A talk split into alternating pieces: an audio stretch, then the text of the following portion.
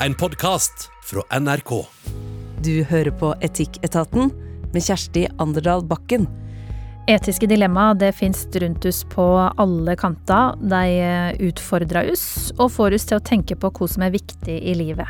For eksempel, hva er viktigst for det? Å holde det ung ved å ta i bruk de hjelpemidlene du kan, sånn som Botox og laserbehandling, eller er det det naturlige som er viktigst? Panelet her i dag skal nemlig diskutere spørsmålet til Ellen. Bør de som bruker Botox være ærlige om det, eller bør de holde kjeft? Hva skaper egentlig mest press? Og så spør vi hvorfor bruker vi milliarder på alternativ medisin og timevis på bønn når vi ikke vet helt sikkert at det funker? Forskning viser nemlig at vi fortsetter å be å ta naturmedisin sjøl om vi ikke kjenner noen effekt. Men først så skal det altså handle om å fikse på utseendet så en ser yngre ut. Eh, Linn Skåber, skuespilleren og dramatikeren på 52 år. Mm. Vil du se ut som ei dame på 52, eller vil du gjerne se yngre ut? Altså, for det første har jeg aldri noensinne blitt gjetta verken eldre eller yngre enn jeg er. Eh, jeg har jo alltid håpet å bli gjetta yngre, men folk har alltid gjetta meg sånn på alderen. Så jeg har alltid liksom på en måte forholdt meg til det. Men jeg har jo også sagt at jeg hadde min første 40-årskrise da jeg var 14. Eh, og det mener jeg. Eh, og jeg ser på det bare som livsbejaenhet. Jeg har lyst til å leve lenge i verden og være her lenge. Så det er vel et, et slags rop om det, tror jeg. Mm. Eh, vi har plassert Lilly Bendriss ved sida av det, den mm. Eh, klarsynte som mange har sett ansiktet til. Og jeg tror ikke det er så mange som hadde gjetta at du er faktisk 72 år. Det er 76. 76 år! Se der! Til og med klart å bomme. Blir du glad når folk tror du er yngre enn du er? Jo, men jeg har jo aldri lagt skjul på at jeg har gjort ting. For det, det tenker jeg at hvis det kommer en med glatt panne på 70 år og sier at du ikke har gjort noe, ja ja ja, da må du være ganske naiv hvis du tror henne. Vi skal bore i hvorfor du har vært åpen, og hvorfor du har eh, gjort eh, det du har gjort for å få en veldig flott og fin, eh, glatt eh, vane. Eh, vi har med en filosof her også, som skal få oss til å skjønne mer av skjønnhetsidealet og forholdet vårt til alderdom. Heine Holmen, 43 år, tror jeg. Ja. ja. Det var ikke så lett å finne ut i sosiale medier, så du har ikke vært så åpen om det som, som de to andre her. Gjør du, gjør du noe i hverdagen for å se yngre ut? Ja, det gjør jeg. Masse. Oi, hvor da? Uh, nei, altså det handler jo om alt fra hvordan man kler seg, og bruke fuktighetskrem, eller passer passe på at uh, håret ikke blir I hvert fall at man napper ut de grå som kommer. Ja. Um, Så litt forfengelighet der også? Forfengelighet er en, ja, det er en dyd. Altså det, det dreier seg om å, å ja, se grei ut for de andre, og for seg sjøl. Mm. Jeg, jeg ser ikke på det som noen last, da. Vi skal fortsette med den praten her eh, straks, og i tillegg til Botox og eh, alternativ medisin, så er det altså ei datter som spør Etikketaten Mor vil dø, skal jeg hjelpe henne med å få det ønsket sitt eh, oppfylt? Og hvis du som hører på har et dilemma du har lyst til å skal bli diskutert her i Etikketaten, så send oss en e-post til etikketaten krøllalfa nrk.no. Ei kvinne i starten av 30-åra har altså sendt oss det første dilemmaet. Vi kaller hun Ellen, og hun skriver til oss. Mange i min omgangskrets tar Botox for å fjerne eller forebygge rynker, og fillers for å gjøre leppene større. Men jeg lurer på, bør folk som endrer på utseendet med sprøytestikk være åpne om det, eller bør de holde kjeft? Er de åpne, så vil folk forstå at de ikke er naturlig glatte i fjeset. Samtidig vil det kanskje føre til ei enda større normalisering, som igjen fører til at flere velger å ta steget og sprøyte inn både det ene og det andre i fjeset. Jeg har sjøl sittet med musepekeren på book time-knappen til Botox-klinikken etter å ha prata med venninner som får Botox like lett som en tek rygg-nakke-massasje. Helsing Ellen. Spørsmålet er altså er åpenhet rundt Botox og fillers eh, bra, eller vil det skape større press på eh, folk? Lilly, Noresi, ordet alderdom, hva tenker ja. du på da? Jeg tenker at eh, alderdom, vi blir jo alle gamle. Men i hvilken takt og hvordan vil vi bli gamle? Det første er jo å ha en helse som gjør at du er oppegående. Og så tenker jo jeg at jeg føler meg så jæskla ung inni meg. Og at jeg vil la det som verden ser, passe til det jeg er inni meg. Så du kan si at jeg, jeg begynte jo med Botox når jeg, jeg tror jeg var 65. Og det som, jeg, det som jeg ser på, er jo at eh, det, ja, der er et press på de unge. Og der er det vær varsom-knappen. Å starte når du er 19-20 år. Altså, det blir en trend. Men jeg tenker at en voksen kvinne la oss også ta det på den måten at eh, den norske kvinne har vært liksom Jeg skal ut i skauen, og jeg skal gå på ski, og jeg skal bruke vaselin, og jeg skal OK, hva skjer da?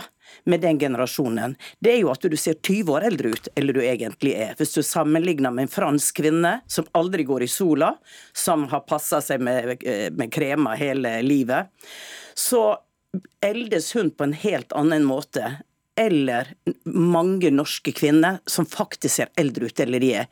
Så det blir en ubalanse i det. Og, og det var det jeg opplevde, at jeg hadde ligget i sola på fjellet med vaselin. ikke sant? Jeg hadde solskade.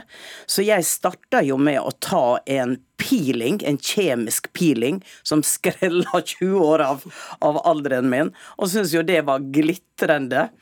Og følte det at ah, nå liker jeg meg selv. Nå er jeg sånn som jeg, jeg vil føle meg. Så men det er jo så forskjellig. Det er, det er, så forskjellig hvordan vi tenker, hvordan vi er. Altså, mange sier at men nå er jeg ferdig med livet. Nå er jeg 60-65, nå skal jeg være bestemor, jeg skal sitte og strikke. Og så får det liksom bare være naturlig.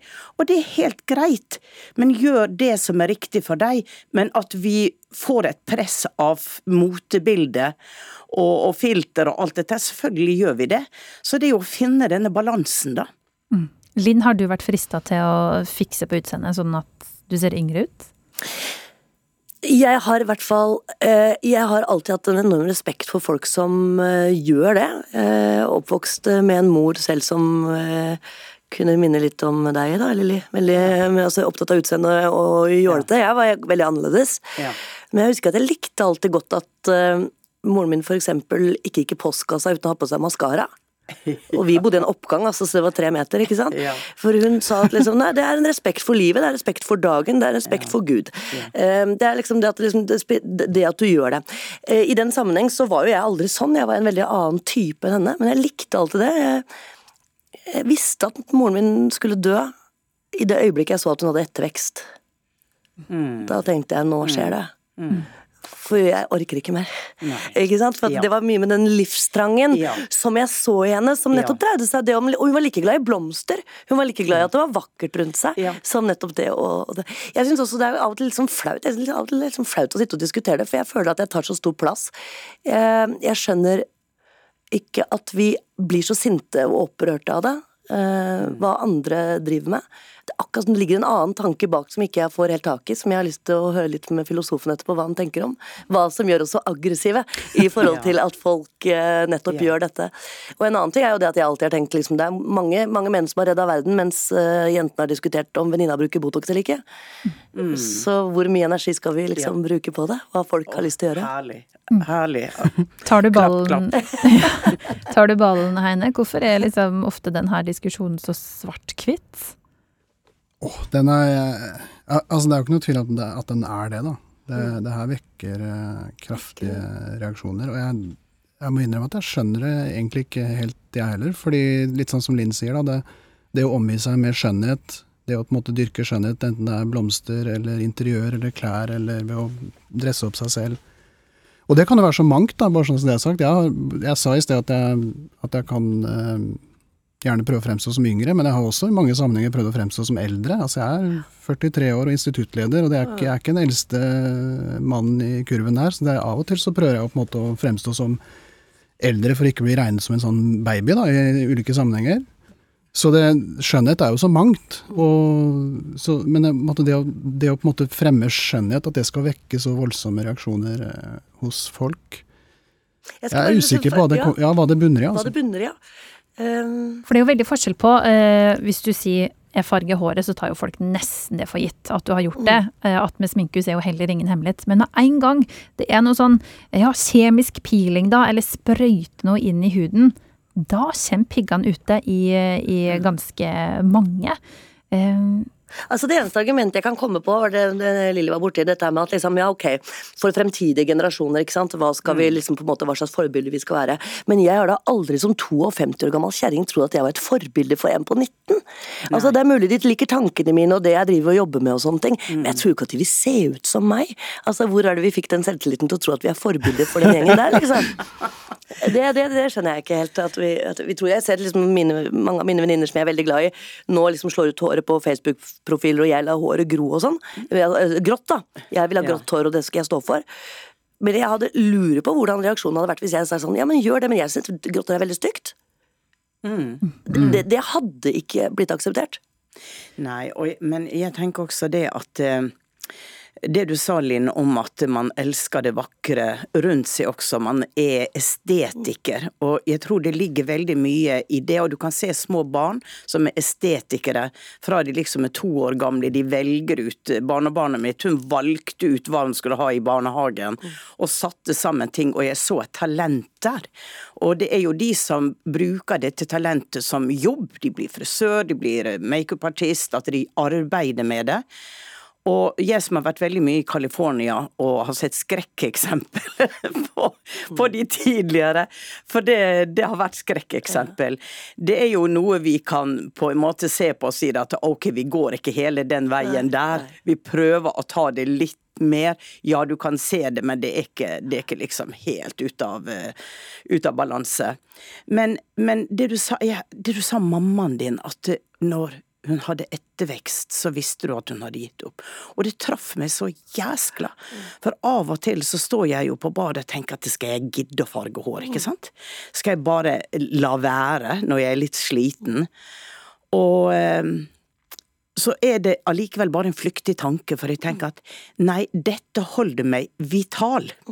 Dette gjør at jeg står opp om morgenen, jeg gleder meg til å, å ha på meg klær som jeg liker, jeg vanner plantene mine, jeg, jeg, det estetiske og nytelsen av det å være i live. Ikke sant? Og for meg er ikke det da noe sånt sperre på at ja, jeg tar Botox, jeg tar litt filler i leppene. Eh, det er bare en del av greia, rett og slett. Så ja. Men en undersøkelse som, som, NRK har fått gjort, viser at hvor sjuende unge person her i landet har vurdert å ta Botox eller ja. Eh, fillers. Og Ellen lurer på om denne åpenheten alltid er bra. Kan ikke også det at det blir aksept for det i liksom, eh, eldre generasjoner, skape liksom, en normalisering også blant de yngre? Nei, jeg vet ikke det. Eh, men jeg tror kanskje at man skulle diskutert det litt mer, eh, uten at man gikk inn i at det er rett eller det er feil. Og at filosofen her kommer inn og, og, og på en måte også kan hjelpe. At man får inn litt debatter rundt det som er saklige, og hvor alle får uh, gi sin stemme til hva de føler. Og jeg tror det er viktig at det er åpenhet rundt det, på godt og ondt. For normalisere det, dette er en tsunami du ikke kan stoppe. Mm. Men samtidig så har vi jo et ideal i samfunnet, Heine, med at det naturlige er veldig bra. Sett veldig opp til. Jeg tror det er det som ligger litt bak her, da. Så det er sånn skille mellom hva som er kunstig og hva som er en inngrep og hva som er mm. naturlig. Og uh, Kanskje det å farge håret har blitt mer og mer naturlig, alle gjør det, ikke sant. Uh, mens uh, de andre inngrepene fortsatt beregnes som nye og litt sånn skumle og funky og, mm. og kunstige, da. Og da er det en sånn tendens, kanskje særlig i Norge, hvor vi skal være så naturlige, mm. og, og, se ned på det som er kunstig. Og jeg er jo helt enig i at vi er ikke her bare for å være sånn som vi ble født, uh, og, og være med det. Vi er jo kunstneriske dyr, kreative dyr som alltid har uh, gjort oss selv til uh, et slags kunstverk. Da. Men hvorfor er det forskjell på kvinner og menn? Ja, jeg vet ikke hvor stor forskjellen er. Altså, Det har jo kjønnsforskjeller. Jeg kan jo da, sånn, det har vært masse debatter om at jeg som mann er så heldig for jeg kan ha min, uh, min peak i, i, lengre periode enn kvinner f.eks. Så det betyr at jeg trenger ikke tenke på det før jeg når uh, litt eldre alder. Men da kommer det jo da også. Jeg, er engstelig for å miste håret f.eks. Det er jo en ting som, som menn stadig bekymrer seg for. Og hvordan man skal forholde seg til det. Skal jeg da skinne da, eller skal jeg skaffe meg en tupé, eller hva skal jeg gjøre for noe?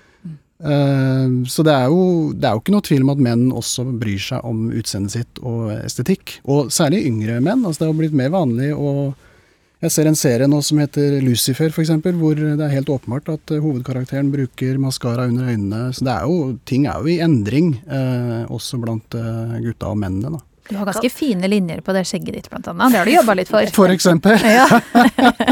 det, det, tok en halvtime i dag, det. kan det være noe, om det er bare kom på en rar tanke, men kan det være noe om liksom det å eldes før når folk var så i tospann hele tiden. ikke sant? Man var sammen, og det var ikke noen diskusjon liksom, at de var 90 og de var sammen fremdeles. ikke sant? Ja. Ja. Men at vi på en måte lever ganske sånn single liv rundt omkring, da. Ja. Og kanskje må jobbe litt mer for å imponere hverandre. Kanskje det har noe med det å gjøre? At ikke vi går hjemme i den trygge stua vår? Ja, det tror jeg. Det tror jeg. Vi er ute på kjøttmarkedet, vet du.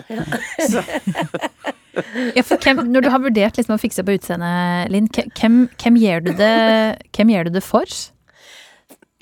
Jeg tror kanskje det ville vært for venninnene mine. Det er jo veldig sånn når man blir eh, litt om oppi åra, sånn som jeg nå, da, for 52, så liker vi at venninnene syns at du er fin. Jeg, jeg er veldig glad i når de sier at jeg er fin. Det opplevde jeg veldig med, med moren min. Jeg må bruke henne som eksempel igjen. For hun kom hjem fra senteret, eksempel, Tveita-senteret eller noe sånt, så sa hun alltid til meg sånn Og jeg møtte en, eh, en gammel skolevenninne, og hun så så bra ut, og det gjorde meg så godt. Så jeg tenkte jo, hvorfor gjør det deg så godt? Mm. Hva, det, hva, har du med det å gjøre? Og nå merker jeg at jeg har begynt å få det samme selv. Yeah. Jeg liker så godt, For det er mine tidsvitner. Det, det, er mine folk som jeg var barn med, mm. ungdom med. Og jeg vil ikke at jeg skal få den følelsen av at jeg ser de forsvinner. Jeg blir glad når jeg ser at de holder seg godt. At de gjør en effort for å øh, være litt mer i midten av livet, da. Kanskje det er det. Men ville det ikke vært en god venn å bare satt pris på det naturlige? Ja, Men det gjør det uansett, liksom. Det er bare den der lille Det er derfor jeg sa venninnene mine, og ikke menn, da. Fordi eh, klart at alle vil bli sett på en måte av det motsatte kjønn også, men hvis jeg nå gikk liksom inn i meg og tenkte sånn, så er det jo vi som snakker om det. Jeg tror menn liker meg uansett. Ja. Jeg, tror ser, jeg tror ikke de ser så mye på om jeg ikke har en rynke ved øyet eller, nei, nei, nei, eller liksom fått litt slappere pupper. Men, men det er vi jenter som holder på med dette her. Men det, men det, er noe med hva er det vi gjør det for også, da. Du nevnte venninnene dine. Ja. ikke sant? Og det, det, det, kommer jo fra det indre på en eller annen måte. Men, mm. men en ting som er ved det her, da, med å bli eldre, det er jo at hvis man havner i den Det er jo noe som en filosof, Simone Boar, skriver om. Det å bli eldre, da blir man på en måte en sånn gruppe. Man slutter å bli behandla som individ. Mm. Man blir, man blir liksom bare havna i sekken bestemor- eller bestefar-kategorien. Så det å holde litt på det individet du er, og som du har bygd opp gjennom et helt voksent liv, det ligger også litt her, tenker jeg. da. Vi har så mange flere muligheter til å gjøre det i dag, istedenfor bare å bli en sånn grå gruppe som, som skal behandles som eh, ja, ikke et individ lenger, da. Mm. Tror et godt poeng. Det tror, ja. jeg, det tror, jeg, nesten vi må oppsummere med. det ja. du sa der. ja, ja. Virkelig. En filosof, et medium og en skuespiller sitter her i Etikketaten i dag. Heine Holmen, Lilly Bendris og Linn Skåber. Nå skal det handle om eh, vår store tro på at annet det å be en bønn kan gjøre livet vårt eh, bedre, sjøl om det ikke blir bevist i forskninga, og kanskje vi ikke er helt sikre på at det funka sjøl eh, heller. Linn, du har fortalt i Etikketaten her at du tidligere at du ber. Når, når ba du sist en bønn? Nei, det var i går kveld, det. Jeg samler eh, Jeg tar ti mennesker hver kveld som jeg ber for. Oi. Som de ikke aner at jeg ber for. Og det er ikke fordi de har noen problemer, eller sånn. jeg bare velger, jeg tar de første som kommer til huet mitt, og så får de en liten bønn. Ja, nydelig. en, liten, en liten, Bare en hilsen fra et eller annet sted de ikke veit hvor det er. Ja. Ber du, Lilly? Nei, jeg mediterer. Det er jo litt det samme, men jeg ber ikke eh, på den måten. Um, men vi tar jo ofte med Altså, det er jo forbønn, ikke sant, men når vi har meditasjonssirkler, så tar vi ofte at vi sender lys og varme til noen som trenger det, og som har bedt om det. Og jeg tenker det at eh, den gode tanken hvis, I min verden så er alt består av energi. Vi er energivesen som også har en fysisk kropp. Og vitenskapen eh, er jo på eh, Newtonien, altså det mekaniske universet, vi, vi, hva er energi for noe? Og så lenge du kan gå inn i det vitenskapelige, og du vil ikke få noe bevis, og det at og du er heller kanskje ikke alltid en healer vil få mange bevis på at noe skjer. Er det placeboeffekt, eh, eller hva er det? Og så tenker jeg det spiller jo vel ingen rolle hvis noe hjelper. Og det at man går og får en behandling her og der for plager man har, um, og det blir ikke noe bedre. Kanskje vedkommende får sett å gå dit fordi at vedkommende blir sett og får en sjelelig påfylling, selv om kanskje smerten i ryggen ikke blir så mye bedre. For vi har alle et behov for å bli sett og føle oss elsker, føler og har behov for å bli ivaretatt. Så, så den gamle, kloke kona og presten og de som ba, eller predikanten eller hva det nå er, de gjør det ut ifra et godt hjerte.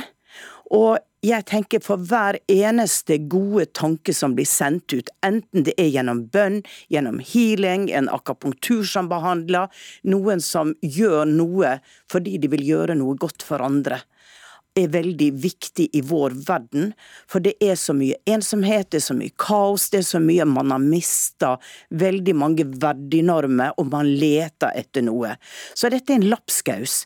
Men det som står overalt, når du tar inn disse mennesker som du bare vil noe godt, du kan være helt sikker på at det treffer. Uh, helt sikker. Men det kan være at de våkner av en god drøm, det kan være at de føler seg vel om morgenen. De kan ikke sette fingeren på det, men noen har kjent noe godt til dem. Og eh, jeg syns det er nydelig. Det her skal vi eh, høre litt mer om snart, men, men, Heine, ber du en bønn iblant? Jeg har et eh, gammelt kors som jeg av og til putter i lomma. Når, det, det kan du tolke som du vil. Når gjør du det? Nei, det er vel Det har vel vært Begynner med en stund siden nå, men hvis man har litt uh, kriser og man på en måte går og kjenner på ting Jeg er litt redd for å miste det også, så det er ikke noe jeg bare putter i lomma sånn helt unødig. Så det, må, det krever sin stund. Det er altså sånn at um, folk har veldig stor tro på at bønn og alternativ behandling uh, funka. Det viser nyere forskning fra Universitetet i Sørøst-Norge.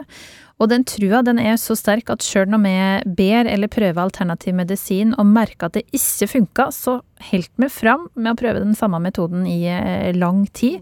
Og det her gjelder da særlig for såkalte holistiske behandlinger, som da vil si alternativ medisin som homopati, akupunktur, healing og også bønn. I snitt da, så prøver vi disse behandlingene i 225 dager, mens eh, skolemedisin gir meg 59 dager før vi gir det opp. Så hvorfor har vi så sterk tro på at alternativ medisin og bønn eh, funka? Bør vi ikke bare gi det opp når vi kjenner at det ikke gjør det? Og så tenker vi med at seks av ti sier at de merker eh, effekt av sånn her type eh, behandling. Mm. Linn, er du overbevist om at bønnene dine har effekt? Nei, nei, men det, det som, det som uh, Lilly snakker om her, denne, denne sommerfugleffekten, ikke sant. Det, jo, det er ikke sikkert de merker det noen ting av det jeg ønsker dem, men, men som du sier, kanskje dagen etter. Jeg veit jo at jeg har, gitt, har tatt dem med. Kanskje mm. jeg får en connection der som kan hjelpe oss litt videre mm. uh, med noe fint i den dagen. Det jeg er opptatt av, er at jeg er oppvokst i et hjem med en ateistisk far og en troende mor. Mm. Og tro var aldri veldig viktig for oss, men det som var viktig, var at man lot folk få lov til å tenke på det de ville tenke på sjøl. Ja. Eh, ikke sant? Så jeg hadde, hadde noen krangler hjemme, jeg, fordi moren min trodde på Gud og faren min eh, virkelig ikke trodde på Gud.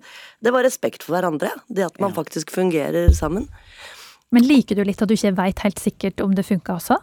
Ja, lite grann, på en måte. fordi at det farligste her, altså den farligste her er jo hvis folk liksom uh, hvis du har noen som er glad i deg rundt deg, da, og de bare satser på dette som du sier ikke fungerer, og at de ikke oppsøker skolemedisin, så mener jeg at vi er inne Jeg sier jo alltid takk Gud for penicillinen.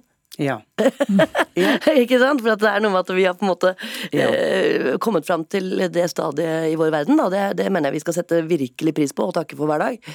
Men hvis, hvem skal si at andre ikke skal få kunne prøve på noe de tror er større enn seg selv, den, eh, den, den hva heter det, eh, selvtilliten i å si til noen andre at det får ikke du tro på, den har ikke jeg.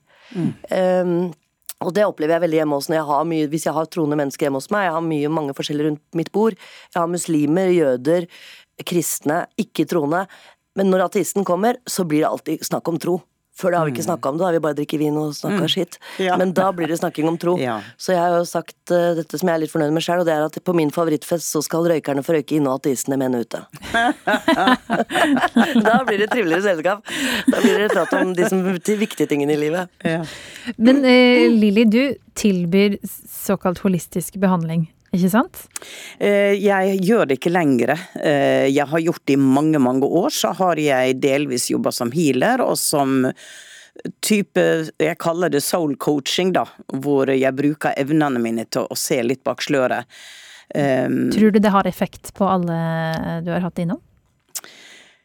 Jeg tror ikke det har hatt effekt på alle, men gjennom 20 år så har jeg fått så sterke tilbakemeldinger at jeg er veldig ydmyk for å ha fått lov å gjøre det.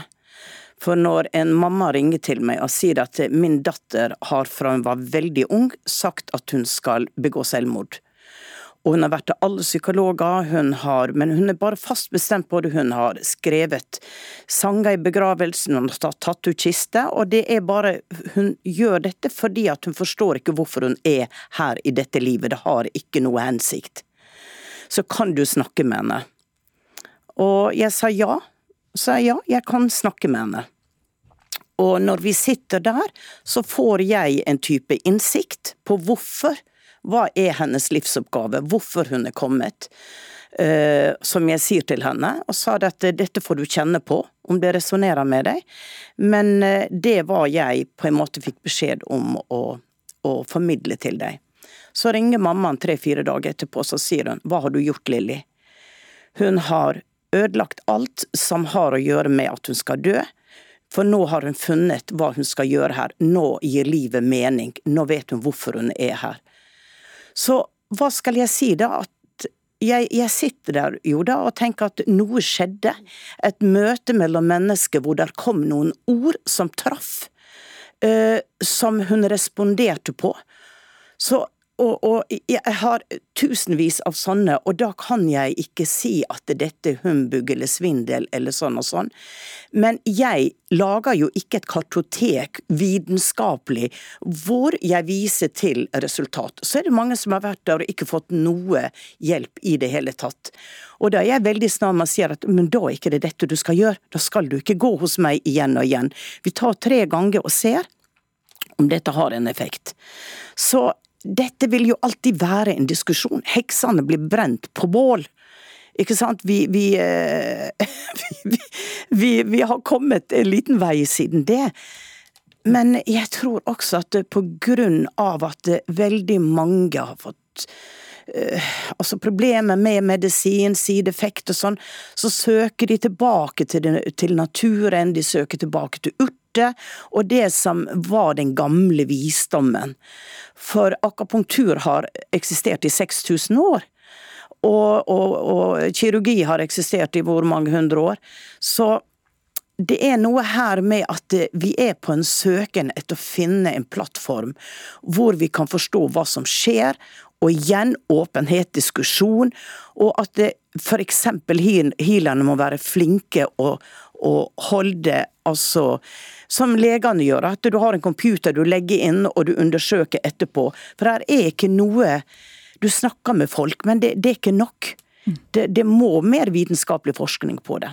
For det du sa at uh, hvis det ikke funka etter tre behandlinger, så sier du at det her er ikke riktig for det. Fordi vi nordmenn bruker uh, 5,7 milliarder i året mm. på uh, alternativ behandling. Mm. Og gir det et forsøk i over 200 dager. Så det er jo noen som tjener godt på det her uten at det har noe effekt for pasienten. Ser du at det er noe problematisk der også? Ja, Lili? jeg syns at det er etisk å kjenne sin begrensning, og ikke behandle noen hvor det ikke har en effekt. Men det som jeg innledningsvis sa, det er mulig at den personen får noe som er like viktig som den smerta de kanskje ikke får så mye hjelp for.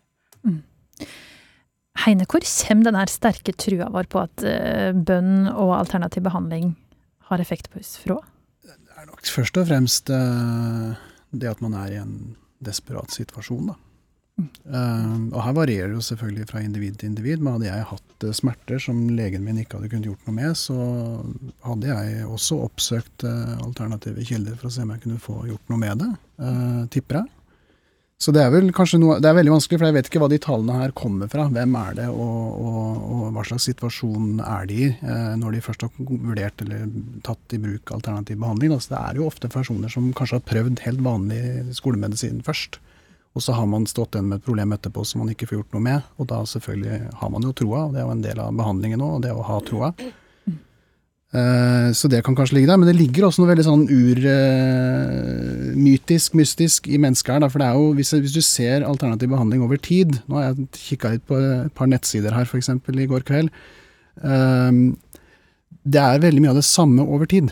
Man snakker om holistisk, man snakker om å ha forbindelser, energier, eller eh, spirituelle eller det, det, er litt det samme. og Hvis du leser tekster som er funnet fra 1000 til 2000 år før Kristus, så finner du ofte de samme beskrivelsene av religiøse eh, medisinmenn eller, eller, autoriteter. Så at det bunner i noe sånn dypt i mennesket, som vi driver og tyr til i desperasjon, eller i, i en nødsituasjon, det er det ikke noe tvil om.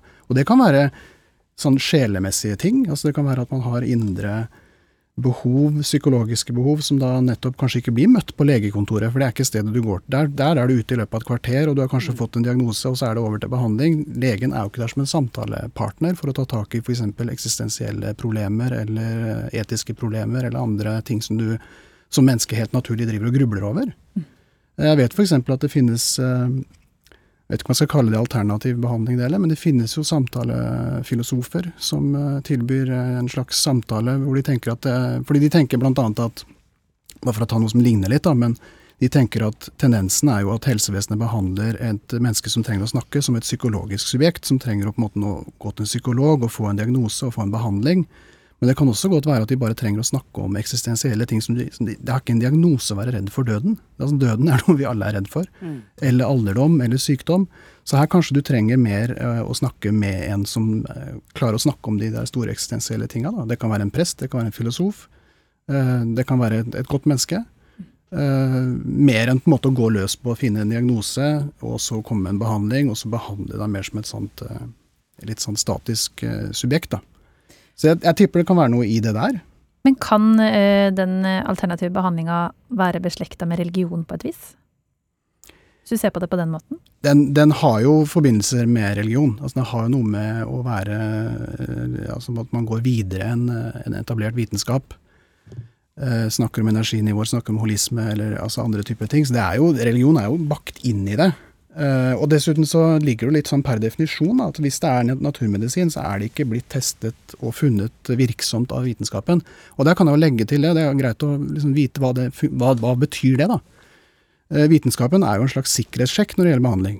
Og de sjekker da om ting fungerer generelt. Har det på en måte noe data som ikke bare er et lykketreff innimellom? Fordi lykketreff innimellom skjer jo stadig vekk. Altså du blir syk, og så plutselig på uforståelig vis så blir du frisk igjen, eller du snakker med noen, og så blir du frisk igjen. Så vitenskapen, når vi driver og anbefaler medisin gjennom helsevesenet og det offentlige, så kan vi ikke gå på lykketreff. ikke sant? Så Derfor må du ha en vitenskapelig testing for å sørge for at det som blir tilbudt der, og som blir betalt for over skatteseddelen, faktisk har en effekt for ikke bare én enkelt innimellom. ikke sant? Så Det virker over mer generelt, da, så du må jo ha data som er til å stole på. Så Det er det vitenskapen gjør når det gjelder medisin.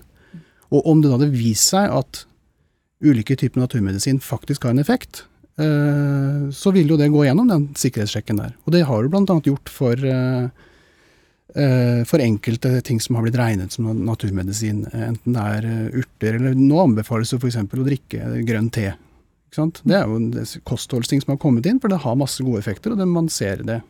vin i små doser har blitt gått fra å bli en, et godt kosthold, f.eks. Det varierer litt med hvem du spør, men, men poenget er bare at vitenskapen gjør en sikkerhetssjekk. Så det er jo ikke sånn at den utelukker naturmedisin eller alternativ medisin i utgangspunktet. Hvis det virker generelt, så går det gjennom. Men Lilly, har du noen gang tvila sjøl på at healing eh, funka? Jeg har aldri tvi, tvilt på det, men jeg har vært veldig klar over at healing funker ikke på alt. Eh, altså, jeg er jo veldig kategorisk på at jeg ikke behandler kreft. Eh, men at det er der en muskelskade, spenninger i musklene, så vet jeg at healing kan gi en lindring. Men så vet jeg jo også at den muskelspenninga kan komme fra indre, dype prosesser av angst, av anspenthet, av stress, og da må man gjøre noe med det. Så det er noe med å finne liksom balansen igjen i det hele. Og det kommer ingenting inn i ei lukka hånd. Så det å være åpen og lese, undersøke, ja, absolutt. Kritisk, men åpen. Ja. Ja, det blir fasiten her.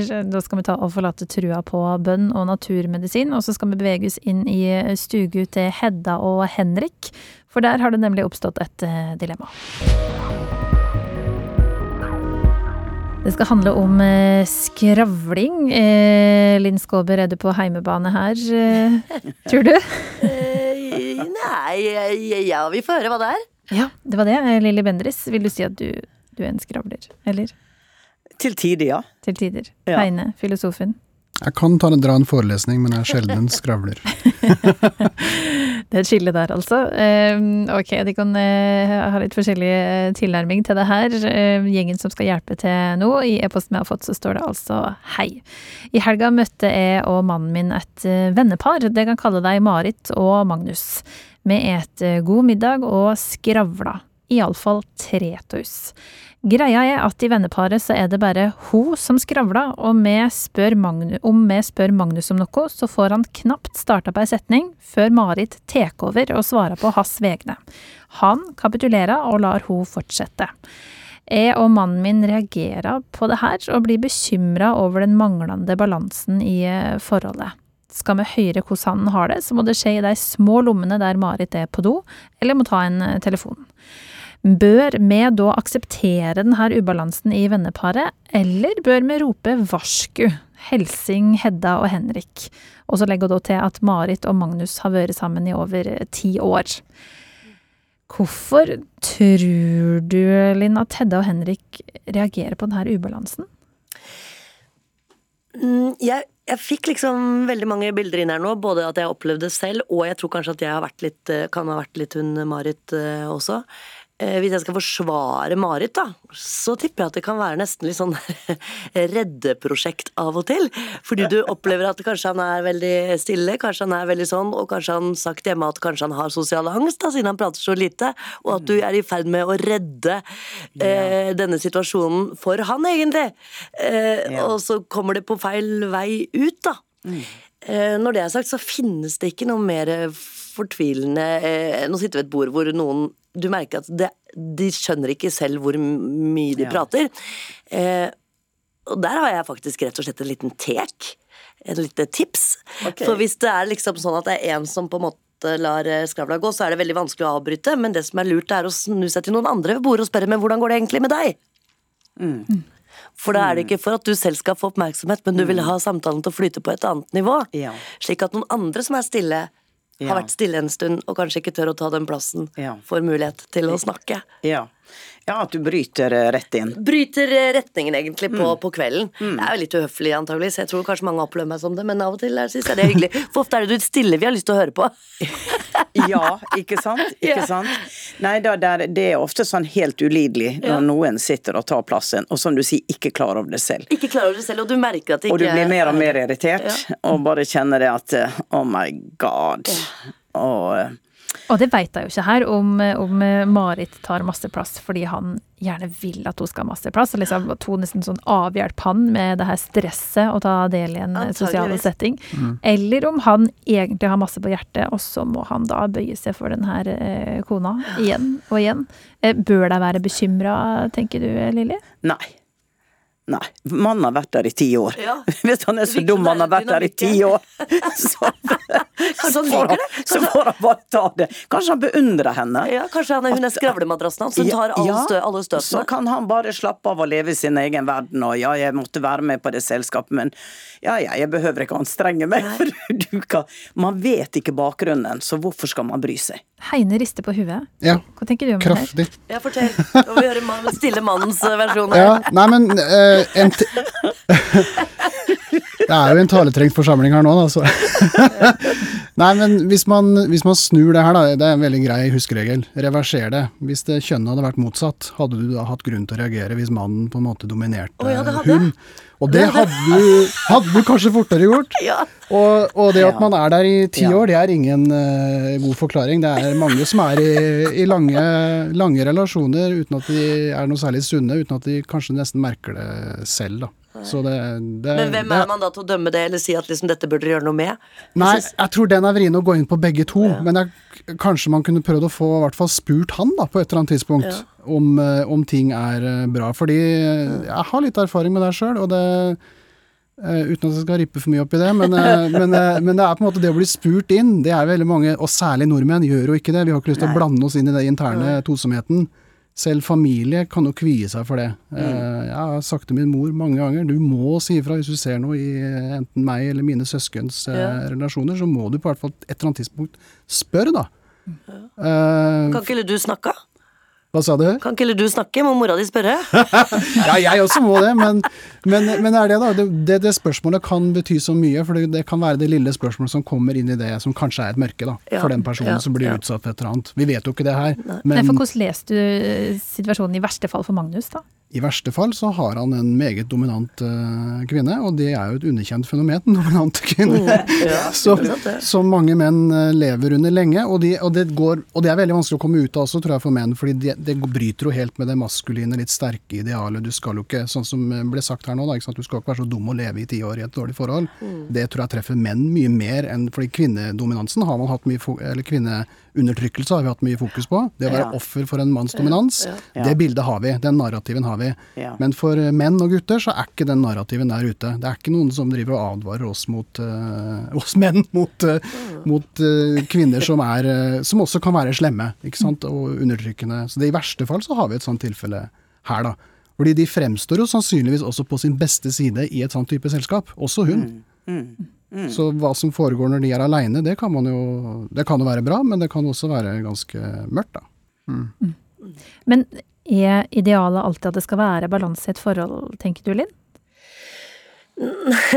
Nå blir jeg også litt privat, men jeg har vært i no, eh, De fleste har liksom vært eh, eh, kanskje, altså Hvis man kan kalle det en bra ubalanse, da, for jeg, jeg er jo veldig glad i folk som eh, er annerledes enn meg sjøl. Som kanskje er litt eh, Tenker litt lengre tanker og er litt stillere enn det jeg er. sånn. Jeg liker veldig godt det. Eh, tror jeg hadde vært et grusomt par hvis jeg hadde hatt meg en mann som var helt lik meg. Tror, tror jeg ikke jeg hadde blitt invitert så mye. Men uh, For ubalanse høres så negativt Ja, ut, men å jeg- utfylle hverandre ja, er jo veldig flott. jeg veldig sa kanskje mer det, for jeg sa, kalte det en positiv ubalanse. da.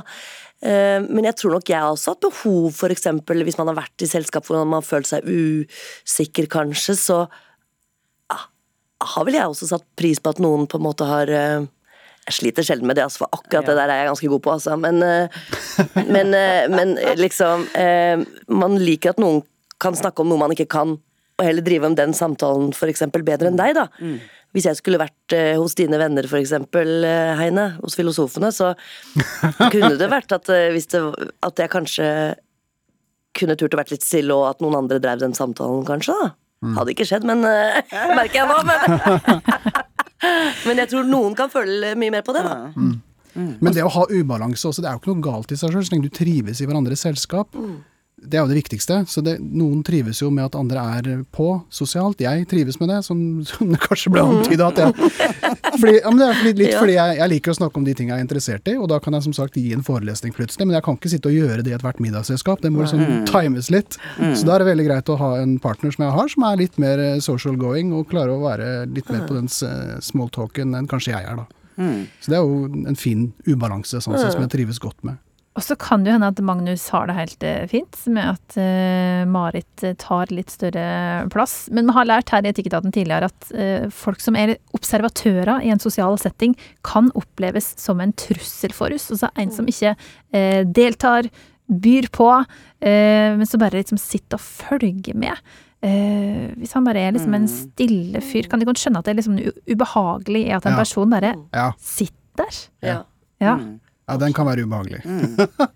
Noe annet som er ubehagelig, er at du blir jo sittende og høre på Marit, da, som antageligvis har snakka seg ferdig for to timer siden, og fremdeles snakker om seg sjøl. Det er jo virkelig et problem når du kanskje har lyst til å høre andre historier. Ja, ja. Eh, Det er virkelig sosialt vanskelig av og til, for du tenker at nå går det i ring her, og hver setning starter med 'jeg'. Det kan, være, det, det kan jo ødelegge et selskap ganske greit. Så burde ikke Magnus bidra? Jeg syns jo det. Jeg er jo irritert på Magnus. Det merker jeg at jeg er. Han syntes han skulle bidra, rette seg opp i stolen og spørre hvordan andre har det. Der fikk han den. ja, eh, vi skal videre til siste dilemma med her i Etikketaten. Og husk da, du kan gjerne sende oss dilemma hvis du har et i eget liv, eller ser et i verden eh, ellers. Etikketaten, krøllalfa nrk.no er altså vår e-postadresse. Her i Etikketaten har vi i dag med medium Lilly Bendriss, skuespiller Linn Skåber og filosof Heine Holmen. Jeg heter Kjersti Anderdal Bakken, og på e-posten Karin har sendt ut, så står det i emnefeltet 'Mor vil dø'. Hun skriver. De siste åra har mor på 90 år bodd hjemme. Hun klager stadig på at hun ikke har noen glede til å leve. Hun håper bare på at hun ikke våkner en dag, og at det er over. Det hun er virkelig redd for, det er å havne på sjukehus eller sjukeheim. Så hva da om mor i vinter får for eksempel lungebetennelse og må legges inn på sjukehus for å få hjelp for å overleve? Hva gjør vi ungene da? Skal vi oppfylle ønsket hennes, eller gjøre det vi kan for at hun skal leve lenger? Og før vi går løs på det dilemmaet her, så kan jeg ta med at eh, helsepersonell er pliktig til å hjelpe folk som er syke, sjøl om pasienten ikke samtykker. Men det finnes da tre unntak, og det er eh, Jehovas vitner, som ikke skal ha blodoverføring. Det er folk som sultestreiker, det har han ikke plikt til å hjelpe, og det samme gjelder døende pasienter. Det kommer også fram i pasientrettighetsloven. Så vi går inn i det dilemmaet her som et eh, tankeeksperiment. Um, Heine, hva mener du er moralsk rett å gjøre i denne situasjonen til dattera og mora?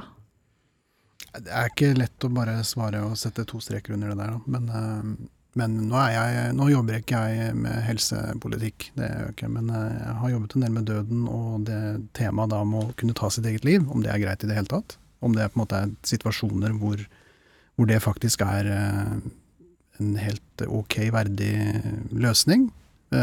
Det, og det er veldig individuelt, selvfølgelig. Og det, de gamle grekerne, romerne, de så jo på det som en vei ut av livet som det var helt legitim å gjøre. Så det er mange av de som tok livet av seg i ulike omstendigheter, ofte knytta litt til sånn æressituasjoner og sånn. Mange politiske politisk aktive som ble rydda av veien på den måten, eller de tok livet sitt hvis de tapte en maktkamp og, og sånn type ting. Så der var det regnet som en helt vanlig måte å gå ut av livet på.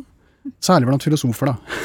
Faktisk. Det ble sett på som og, og, jeg er litt sånn åpen for den, den ideen om at, øh, at jeg selv skulle ønske jeg kunne kontrollere når jeg går ut, og går ut på en, på en måte jeg er fornøyd med. Den frykten som øh, moren har i det eksempelet her, med å havne kanskje hjelpeløs, kjenne seg uverdig, kanskje ha mye smerter, øh, ikke på en måte kjenne at det er verdt det å trenere det i, lang, i, en lang periode, den, den, den, frykter jeg også. Jeg er mye mer redd for å leve et uh, lidelsesfullt og utilfredsstillende liv enn å dø. Så hvis jeg kunne velge, så kunne jeg godt tenke meg eh, samme løsning for meg. Men er det en avgjørelse en skal ta på egen hånd? Det er det som blir det vanskelige. Skal du ta det helt eh, på egen hånd og helt uten eh, på en måte noen objektive kriterier som skal ligge rundt. Eh, må du være gammel, må du være døende, må du være syk? Kunne f.eks. en 20-åring dukket opp livsfrisk og bare si 'jeg har lyst til å bli assistert ut av livet', og bestemme det helt selv? Det er jo et kjempedilemma. Så det kan jo være at man må ha noen kriterier som ligger til grunn, sånn at man vet at dette her er faktisk et dypt og ektefølt eh, ønske. Men i utgangspunktet så tenker jeg ja, du burde faktisk få lov til å forvalte det selv. Fordi jeg tenker at vi, vi kan snu det igjen, da. Det å tvinge noen til å leve videre, det vil eh, på mange måter være minst like ille som å gjøre den feilen og la de få lov til å gå uh, selv. Men spørsmålet er også, er også litt innviklet her, fordi det dreier seg ikke bare om å gjøre det selv. Det dreier seg om å hjelpe til at noen skal gå. Og den er en litt annen sak, for da involverer du andre. Det å ta ditt eget liv helt selv. Eh, Det involverer jo andre fordi det er andre som måte må forholde seg til det også, og det burde du jo selvfølgelig tenke på. Men den assisterte biten den involverer tredjeperson på en helt annen måte igjen, så da får vi en problemstilling med hvem som skal gjøre det, og, og har du på en måte rett til at andre skal bruke sin legekyndighet f.eks. Til, å- til å ta folk av dage. Det er masse dilemmaer her som eh, er helt uoverskuelige å ta, så du må virkelig ha en grundig gjennomgang. Hva tenker du Linn, om situasjonen til Karin? Nå har jeg mor som, som ønsker å dø. Ja, nei, jeg tenker at eh, jeg vil reddes av det siste punktet på den listen du eh, refererte til, med stultestreik og alt dette her. Den siste er døende mennesker. Og i dette tilfellet, hvis hun hadde fått en lungebetennelse, så vil jeg tro at hun er døende. Eh, sånn, sånn at eh, det er jo ikke noen som Altså, dette dilemmaet opplever jeg kanskje ikke er så dilemma. Fordi her, hvis det skjer med den 90 år gamle dama, så er det antageligvis sånn at leger tar en vurdering på det om hvor mye kamp hun skal ha. Det tror jeg skjer på sykehusene allerede, jeg er ikke sikker, men jeg tror det. Mm. Spørsmålet vi stiller oss nå for å lage et enda sterkere dilemma, er jo nettopp det du sier, Heine, med dette med at eh, hva gjør man hvis unge mennesker eller mennesker midt i livet har lyst til å dø, ikke sant? Mm, For det er ganske vanskelig, fordi det var en annen filosof som sa forleden, eh, som jeg hørte, som sa at det finnes to typer mennesker i livet, og det er negative og positive. og skal vi da ti- tillate, hvis du da har eh, f.eks. stri med dette negativiteten til livet, eh, som den din klient eh, hadde f.eks., skal vi da være med på det, eller skal vi forsøke å snu det? Der ligger vel dilemmaet når det er unge mennesker det gjelder. Ja, fordi en er snakker jo om skal, skal de få slippe? Ja, det er akkurat det. Jeg har, en, eh, jeg har en bestefar da, som er eh, gammel og, og frisk. Så den, han, er, han er mye sunnere og friskere enn meg. Han kan holde en hel arbeidsdag, han. Eh, men jeg husker han, han sa en gang, fordi han ble stilt spørsmål med om han For han driver og fisker, da. Han er eh, 85, han driver og fisker, han røyker fisken sin. Han, han gjør alt mulig med den. Som sagt, han er en veldig, veldig frisk mann. Uh, Han bruker da han, han sa at han ikke ville bruke redningsdress.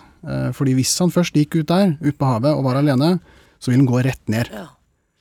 Ikke sant? Istedenfor å ligge der i vannet og lide. Og, og jeg, og det er noe med det, Jeg syns det var brutalt, for jeg, jeg var veldig glad i bestefaren min og kunne godt tenkt meg at de klarte å plukke han opp. Ja. Men jeg ser litt av det poenget med å tenke, hvis han tenker litt stort på det, da, det å ikke trenere og holde seg i live for ethvert eh, For enhver pris. Eh, den siste tiden kan også være en, en god tid. Uh, trenger ikke nødvendigvis være den der eh, lidelsen da, som man kanskje risikerer eh, det absolutt siste, siste punktet, når man uansett er døende. Det kan jo være forferdelig eh, vondt å høre at mor ikke setter pris på livet, og Mm. egentlig har lyst til å, å avslutte det. Um, hva tenker du om denne åpenheten til mor her, Lilly? Nei, jeg hadde jo eh, Min mamma ble jo 93 og var hjemme, og hennes store redsel var å komme på sykehus eller hjem, akkurat sånn som den er. Men hun hadde ikke lyst til å dø, hun hadde lyst til å leve. Og så fikk hun krefter. Og eh, var hjemme inntil 14 dager, for da var hun så syk at eh, selv om hun var redd og ikke ville, så tok vi en bestemmelse at du er nødt til å gå inn på sykehuset fordi at, at vi kan ikke lenger ta ansvar for det. Og det, det, det tenker jeg etter tid at det kunne vi kanskje ha gjort. Uh, og det var ikke greit for henne å komme inn på, på det hjemmet og ligge der og vente på. Hun visste jo det at hun skulle dø. Så det eneste vi kunne gjøre var jo å være der hos henne, men det var jo aldri snakk om noe livsforlengende. Det var snakk om å smertelindring å være med. Og jeg tenkte, når jeg satt der, at det, hvis jeg kommer i den situasjonen at jeg får Alzheimer eller sitter med ulidelig smerte, vær så snill, vær så snill, sett ei sprøyte. Ikke la meg ligge med tube inn og ut. La meg få lov å slippe. Og eh, det er vel det, er vel det, det at du er livstrøtt og vil ut av livet, det er litt annet, men det er så mange som kommer i situasjoner hvor det er vanskelig for de som er barn når det er smerte, og skal, skal vi fortsette å, å gi behandling. Um, men det er, det, er veldig det er veldig vanskelig. Det er uff a meg. det er så vanskelig fordi vi på en måte blir satt til å være eh, Vi blir jo dø- og- dommere, ja, over liv Ja. og død, liksom. Og det er, det er noe vi nesten ikke kan for. Men jeg har rett og slett vært borti noe helt konkret om det nå i det siste. Forrige uke så eh, var bestefaren til noen venner av meg i Nederland. hvor det er lov til å avslutte livet. Og han avslu- avsluttet livet sitt. Ja. Så de hadde vært der nede og tatt farvel, og så var det noen telefonsamtaler, og han gledet seg veldig. Han, hadde, han var også veldig gammel, han hadde ikke hatt, kunnet puste skikkelig på flere år. Ja. Han lå bare på sofaen hjemme i et mørkt sted, og han hadde bedt om å få dø, og de hadde da eh, sagt ja til dette. Eh, da kommer det jo en mann hjem til seg, da. Rett og slett å banke på døra. Han var forsinka, da, det likte han ikke. Nei. Nei. Han var 20 minutter forsinka. Eh, så eh, da er det en sprøyte hvor du Mm. Ja. går ut av bevisstheten, og så er det Ja. veldig fort over. Det som er dumt, er at vi kan jo ikke spørre dem om de var fornøyd med det, men Nei. Kan ikke vi det? Jo, du kan det, Lilly! Du kan det. Ja, ikke sant? Men bør vi liksom eh, gi, gi døende folk en større stemme, eh, Heine? Ja, det tror jeg. Altså, det er jo litt med Jeg tror man, man, man har begynt å bli mye flinkere på dette her, da. I helsevesenet. Man tenker på dette som en fase. Det skal på en måte følges opp, man kan snakkes med. Man kan gjøre det til en bedre ting enn bare å ligge redd i en sykeseng og få masse behandling. Som eh, egentlig ikke er veldig livsforlengende. For det er jo ikke noe tvil om, tenker jeg, da, at det fins tilstander hvor livet er verre enn døden. Ja. Spesielt på slutten. ja. Eh, og da, kan, da, da, da, bør f.eks. helsevesenet spørre seg om de skal ha det der prinsippet om at de alltid skal redde liv, da. For eksempel, I enhver situasjon. De gjør det jo ikke nå, så det, det er jo en ting som kanskje burde vært eh, diskutert. Og da fulgt opp med den døende, f.eks. Hva, er det- hva, er det- hva er det slags fase du er inne i, eh, i nå? Og Da tror jeg vi kan pensle litt tilbake til det behovet man har for å snakke om eksistensielle ting. Eh, De som sitter på Det heter jo ikke eldrehjem lenger, det heter ikke gamlehjem lenger, det heter jo ulike litt sånn koseligere navn.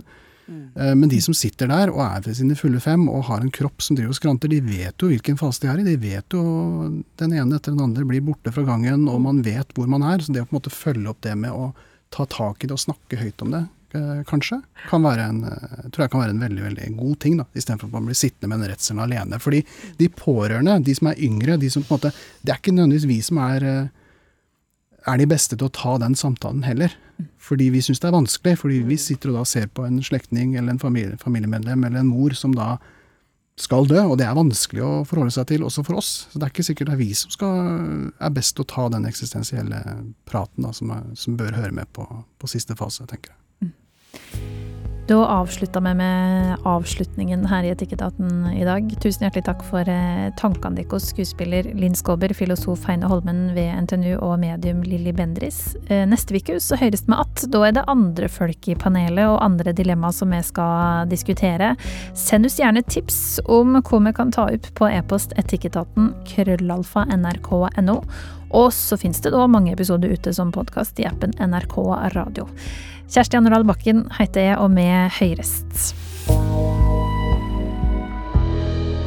Du har hørt en podkast fra NRK. Hør flere podkaster og din favorittkanal i appen NRK Radio.